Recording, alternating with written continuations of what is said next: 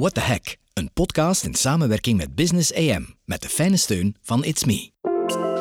De mogelijkheden die internet ons vandaag al biedt zijn gigantisch en ze zullen alleen maar toenemen. E-commerce, een gemakkelijke communicatie met iemand aan het andere eind van de wereld, thuiswerk, noem maar op. Vertrouwen is daarbij essentieel. Het zorgt ervoor dat we de opportuniteiten kunnen omarmen en zaken zoals phishing en hacking kunnen voorkomen. In samenwerking met Business AM is dit What the Hack, een podcastreeks die met verhalen, achtergrondinfo en handige tips uw vertrouwen in een veilig internet vergroot. Mijn naam is Erika van Tiele en ik ben jouw host doorheen deze reeks.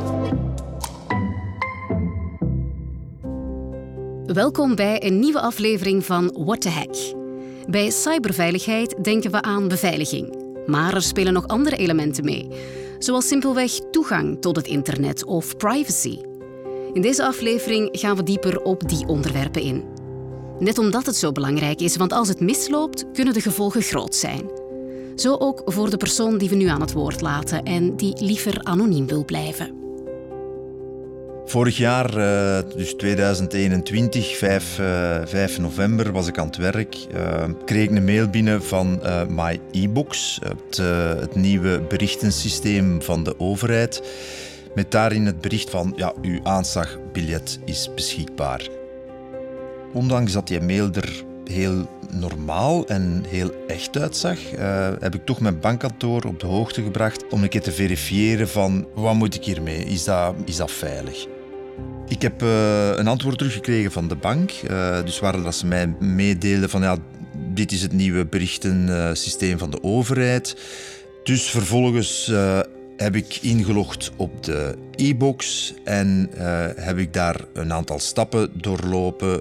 Mijn code ook op een gegeven moment gegeven, mijn kaartenreader gebruikt. En dan s'avonds ben ik gecontacteerd geweest door de mensen van World Online, die met de boodschap kwamen van, nou oké, er zijn hier verdachte bewegingen, we hebben uw kaarten geblokkeerd. En dan heb ik dat wel direct in verband gebracht met wat er overdag gebeurd is. En de volgende dag heb ik dan ook als ja, het eerste uur naar de bank. Hebben ze mij gezegd, ik moet naar de politie gaan, PV laten opmaken. Ben ik terug naar het bankkantoor gegaan en dan is de PV samen met de argumentatie naar het hoofdkantoor vertrokken. Vervolgens heb ik uh, eh, 14 maart het antwoord gekregen van de dienst fraude, ehm, waar dat ze dus hebben aangegeven dat ik niet in aanmerking kwam voor een terugbetaling. Omwille van het feit dat er ja, uh, bepaalde handelingen gebeurd zijn door mij die uh, maken dat uh, de fout eigenlijk bij u komt te liggen en niet zozeer bij de bank. Dan de volgende stap is mij aangegeven ook door de bank van ja, je kunt nog de klachten dienst uh, contacteren. Daar ook weer een dossier voor opgemaakt, PV, argumentatie. En heb ik, uh, in, in juli heb ik vervolgens het antwoord gekregen dat er geen terugbetaling mogelijk is.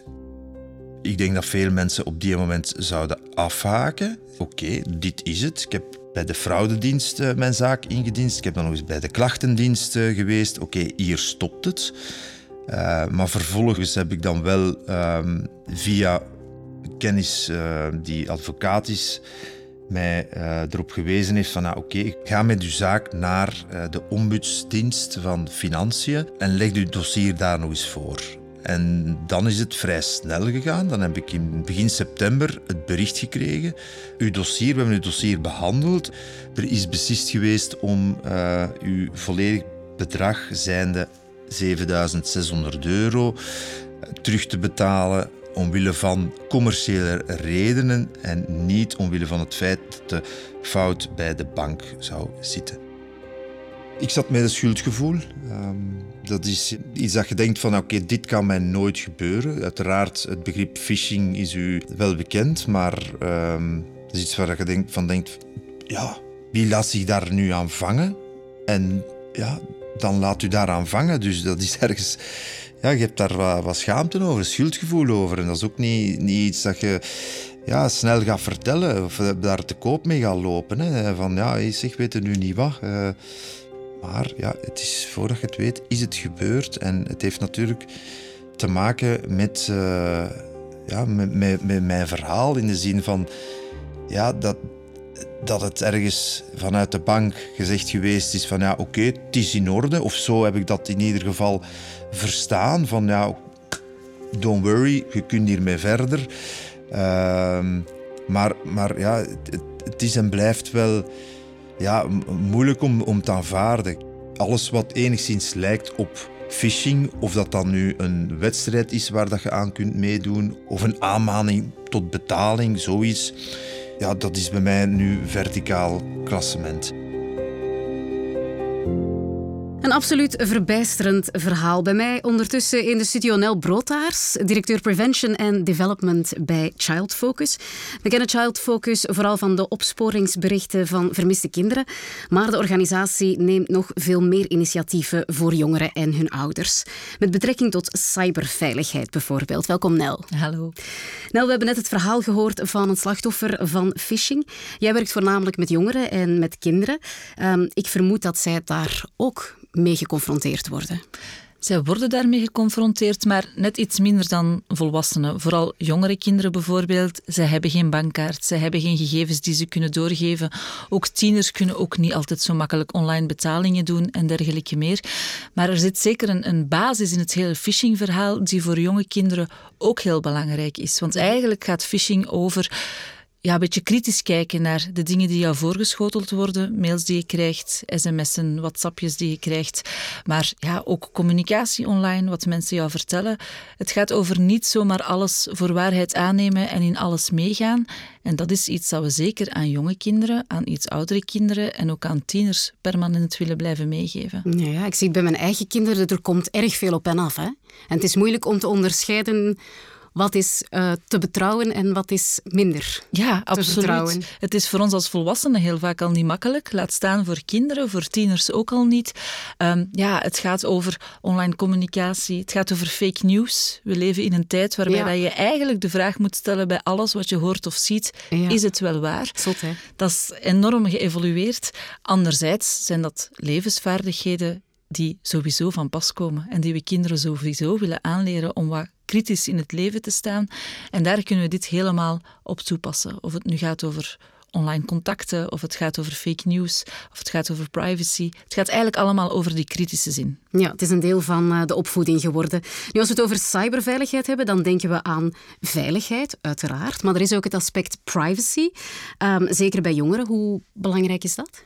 Ja, privacy is een, is een enorm belangrijk thema. Van het moment dat je online wil gaan communiceren, moet je nadenken over privacy. En privacy is ook heel breed. Dat kan enerzijds gaan over met wie ga ik communiceren, of met wie ga ik al mijn gegevens delen. Maar dat kan ook gaan over wat ga ik dan effectief communiceren. En de twee gaan natuurlijk ook hand in hand. Als je een groot platform gebruikt, dan kan je minder persoonlijke dingen delen. Als je een kleiner platform gebruikt, ja, dan kan je al veel makkelijker. In een WhatsApp-groep met je beste vriendin kan je heel veel andere dingen zeggen als dat je het publiekelijk op Instagram gaat posten, bijvoorbeeld. in principe wel. In principe wel, dat zou zo moeten. Dus dat is ook iets waar we gaan op werken. Hè. Niet alleen je eigen privacygevoelige gegevens, maar ook die van anderen. Als iemand iets jou verteld heeft, als iemand jou iets gegeven heeft, iets gedeeld heeft, een foto gegeven heeft. Dat zijn ook privacygevoelige informatie, maar dan van anderen. En ook daar moet je op een heel gezonde en respectvolle manier mee omgaan. Ja, wat is de rol van Child Focus in dit verband? Welke initiatieven nemen jullie zoal? Ja, voor ons, wij nemen eigenlijk het hele veilig internetverhaal nemen wij zowel mee in onze operationele werking, dus als kinderen, jongeren, maar ook hun ouders, hun leerkrachten, eigenlijk iedereen die vragen heeft of een probleem heeft online, die kunnen daarvoor bij ons terecht via ons noodnummer 116 3 keer 0. Maar ook in ons preventieverhaal, dat is een beetje meer mijn winkel, is het een heel belangrijk thema. Aan het einde van de rit gaan we het doen om verdwijning of seksuele uitbuiting te voorkomen. Maar we gaan natuurlijk in ons preventiewerk een stapje terugzetten en eigenlijk kijken naar online communicatie, online zelfprofilering, online seksualiteit. Hoe ga je daarmee om? En dat proberen we dan in initiatieven te gieten voor kinderen, maar ook voor ouders, uh, voor leerkrachten. We geven vormingen aan ouders, we geven vormingen aan leerkrachten. Want het is snel gezegd, hè? Leer dat aan kinderen, praat ja, ja, daarover ja, met maar kinderen. hoe doe je dat? Maar hoe doe je dat? Dus we proberen ouders daar handvaten te geven en leerkrachten proberen we ook echt materiaal te geven waarmee ze in de klas aan de slag kunnen om dat thema expliciet bespreekbaar te maken. Oké, top, fantastisch werk. Nu, ehm, als we het over die cyberveiligheid hebben, dan houden we ook rekening met inclusie. Ervoor zorgen dat iedereen toegang heeft. Ehm, zijn er kinderen die dan meer risico lopen dan anderen? Ja, die zijn er zeker. Natuurlijk, elk kind heeft een bepaalde vorm van uh, kwetsbaarheid. Hè. Dus el, elk kind, elke jongere moet leren omgaan met heel dit verhaal. En als we hen dat niet leren, dan zijn ze heel erg kwetsbaar. Dat is hetzelfde als kinderen niet leren hoe ze de straat moeten oversteken. Dan ja. worden ze veel kwetsbaarder in het verkeer. Dus we gaan hen iets leren, alles leren. En dat geldt voor alle kinderen en jongeren. Maar wij proberen toch ook wel heel erg te kijken wat zijn factoren die bepaalde kwetsbaarheden kunnen vergroten. Een beperking bijvoorbeeld. Kinderen met een verstandelijke beperking of een autisme-spectrumstoornis. Ja, ze hebben vaak al moeilijk met het lezen van sociale contacten. Online is dat nog moeilijker. Dus gaan we spe specifieke dingen ontwikkelen voor hen. Uh, maar ook bijvoorbeeld kinderen met een migratieachtergrond, waar een thuiscultuur heel anders in elkaar zit, die kunnen ook extra kwetsbaar zijn. Dus daar gaan we met hen, hun ouders gaan kijken. Hoe kunnen we bepaalde dingen voor hen gaan ontwikkelen? Dus we proberen echt wel naast die grote groep kinderen en jongeren te kijken naar wie is extra kwetsbaar en moeten we daar geen specifieke initiatieven voor ontwikkelen. Ja, specifieke initiatieven voor uh, specifieke doelgroepen. Is privacy een ander concept voor jongeren dan voor volwassenen? We denken dat heel vaak. Hè. We denken heel vaak, jongeren, they don't care anymore. Uh, en Zo lijkt het soms, ja. Ja, ja. En ja. ze kijken er ook wel een beetje anders naar uh, dan wij vaak. Hè. Bijvoorbeeld het hele big data verhaal en het feit van je krijgt dan getargete reclame. Jongeren vinden dat helemaal niet zo'n probleem. Die vinden dat handig. Dat ze alleen maar reclame zien van dingen die hen zouden kunnen interesseren. Maar ze zijn wel nog altijd bezig met privacy. Op tienerleeftijd is profilering, is populariteit een heel belangrijk gegeven. En daar speelt privacy een enorme rol in. Heel erg over met wie communiceer ik, wat deel ik, op welke schaal. Dus jongeren zijn daar zeker en vast mee bezig, maar we moeten hen daarbij helpen. Heel vaak gaan jongeren dingen posten waar wij, wij als volwassenen zeggen van, maar waarom? Allee, denk eens na. Ja. Maar alleen nog maar hun breinontwikkeling maakt dat zij soms anders nadenken dan wij en dingen anders gaan inschatten dan wij. Dus we moeten hen echt concreet gaan helpen als ouder. Neem concrete situaties waar je kind iets gedaan heeft, iets gepost heeft en vraag hen ja, waarom en met welke reden en met welke motivatie en is dat dan wel zo'n goed idee? Want we moeten hen die balans echt leren vinden. Ja, dat is uh, meteen heel concreet. Um, heb je zo nog concrete tips voor ouders? Want ik vermoed dat de meeste van onze luisteraars de ouders zullen zijn. Hoe creëer je thuis zo'n klimaat van uh, vertrouwen en hoe geef je de juiste tips mee aan je kinderen? Ja, dat is exact waar het over gaat. Hè. Het creëren van die sfeer van vertrouwen. Er zijn natuurlijk ook technische dingen die je ook moet doen en kan doen. Maar in C is het het belangrijkste dat je met je kind een basis van vertrouwen hebt, waardoor heel dit thema een gesprek kan vormen en een gespreksonderwerp kan zijn. Bij jonge kinderen gaat dat eigenlijk relatief makkelijk. Zij gaan nog heel vaak komen tonen: kijk wat ik aan het doen ben, kijk wat ik gedaan heb. En daar is eigenlijk vooral het geheim om dat vast te pakken en dat mee te nemen. Ook al vinden wij dat misschien een stom spel of echt heel belachelijke TikTok-filmpjes en interesseert ons dat voor geen meter. Nee. Het feit dat je kind je dat komt tonen, is eigenlijk het feit dat zij belangrijk vinden wat dat jij daarvan denkt. Dus praat daar op dat moment over hè. En, en ga kijken naar die positieve en die leuke dingen die ze daar uithalen. En zo creëer je eigenlijk een soort basis waar je kan op verder gaan als ze wat meer tiener zijn, als ze wat ouder zijn. Want dan is het natuurlijk een sfeer waarin dat jij als ouder heel veel dingen kan meegeven. Maar zoals in andere terreinen blijft het fingers crossed dat ze dat dan ook effectief gaan ja, doen. En dat, dat ze het komt in uw goede raad niet in de wind gaan slaan. Dus bij tieners is het vooral belangrijk om daar heel open en transparant in te zijn. En het vooral heel positief te houden. Uw belerend vingertje moet je eigenlijk zoveel mogelijk wegsteken. Uh, ga ook niet gewoon grote verhalen uit de media aangrijpen om een gesprek te voeren, want dat vertrekt vaak van heel moeilijke, zware, heel problematische situaties, ja. waar jongeren vaak het gevoel krijgen van ach, eigenlijk zijn ze er allemaal maar wat tegen en eigenlijk vinden ze dat allemaal niet oké okay, wat dat wij aan het doen zijn.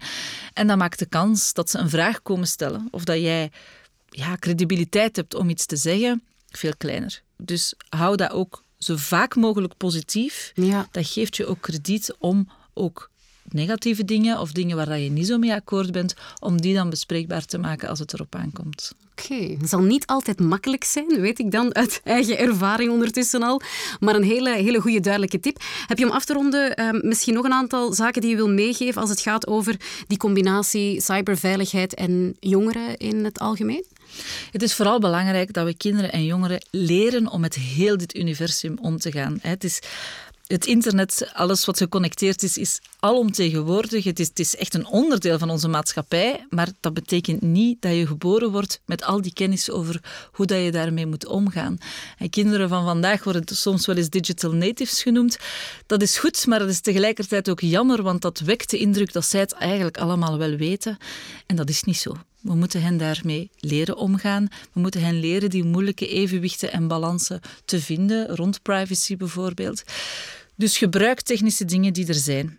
Uh, privacy settings, firewalls, spamfilters en dergelijke meer. Gebruik die, maar het kan niet het enige zijn. Je moet echt heel veel praten, het gesprek aangaan, interesse tonen, zodanig dat je eigenlijk ja, een grond van conversatie, een grond van gesprek hebt, zodanig dat je kind ook als het een probleem heeft, naar jou toe kan komen. Want als je het niet weet, dan kan je ze niet helpen.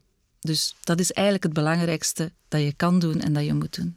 Mogen we zeggen dat het een gezamenlijke zoektocht is? Het is absoluut een gezamenlijke zoektocht. En het is vaak als ouder ook heel mooi om dat zo te bespreken met je kind. Je moet ook niet zelf alle toeters en bellen en knoppenkennis hebben om die dingen te bespreken. Want de problemen waar jongeren mee geconfronteerd worden, en ook jongere kinderen, gaan heel vaak niet over waar moet ik nu klikken en wat moet ik juist doen.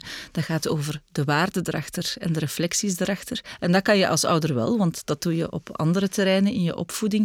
En hoe dat, dat dan juist moet, dat kan je samen uitzoeken. En stel je als ouder ook zo wel wat op, niet de grote expert, want dat geloven ze toch niet. Dat is eigenlijk ook niet helemaal waar. Ehm, maar ja, wel als wij gaan dat hier samen uitvogelen, hoe dat we dat eigenlijk allemaal gaan doen en aanpakken. En dat is een heel positieve insteek. En dat is eigenlijk de basis van alles. Oké, we weten het niet beter. Maar jij weet wel heel erg veel. Dankjewel Nel voor uh, jouw deskundige uitleg. Beste luisteraar, dank voor het volgen van deze tweede episode alweer van uh, What the Heck. Hou de website van Business AM of jouw favoriete podcast-app zeker in de gaten voor onze volgende aflevering. Tot gauw. What the Heck, een podcast in samenwerking met Business AM met de fijne steun van It's Me.